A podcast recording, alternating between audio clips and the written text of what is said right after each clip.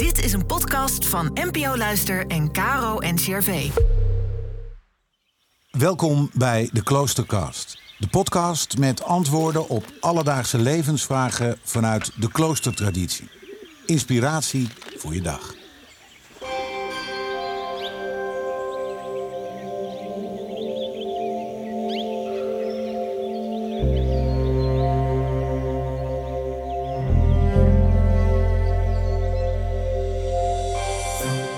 Hoe kun je opnieuw beginnen? Volgens Michael Dominique Magielsen kan biechten hierbij helpen. Magielsen is Dominicaan, een orde die leeft volgens de regel van Augustinus.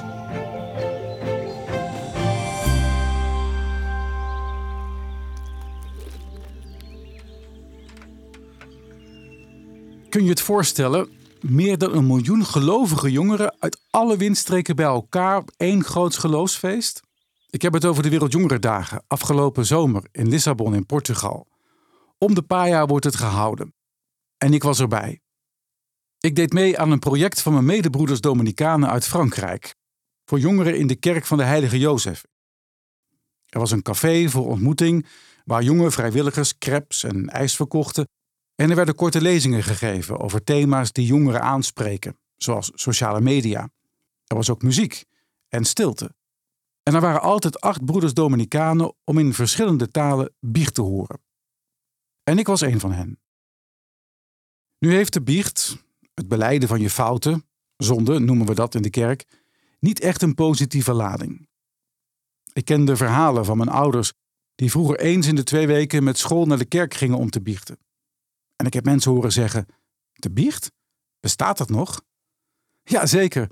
Het is springlevend.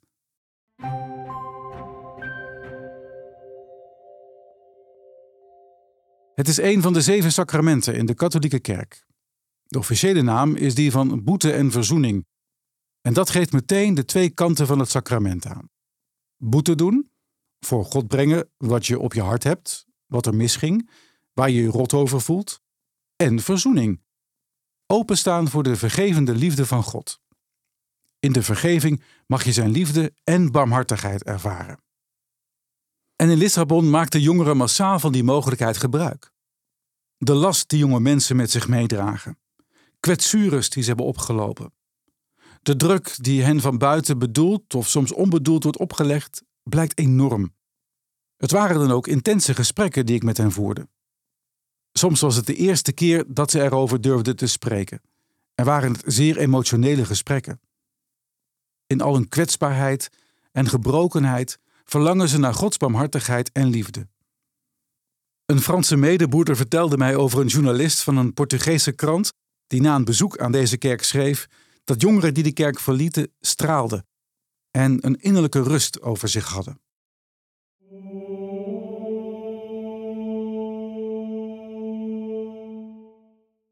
De nadruk in de biecht ligt op de vergeving.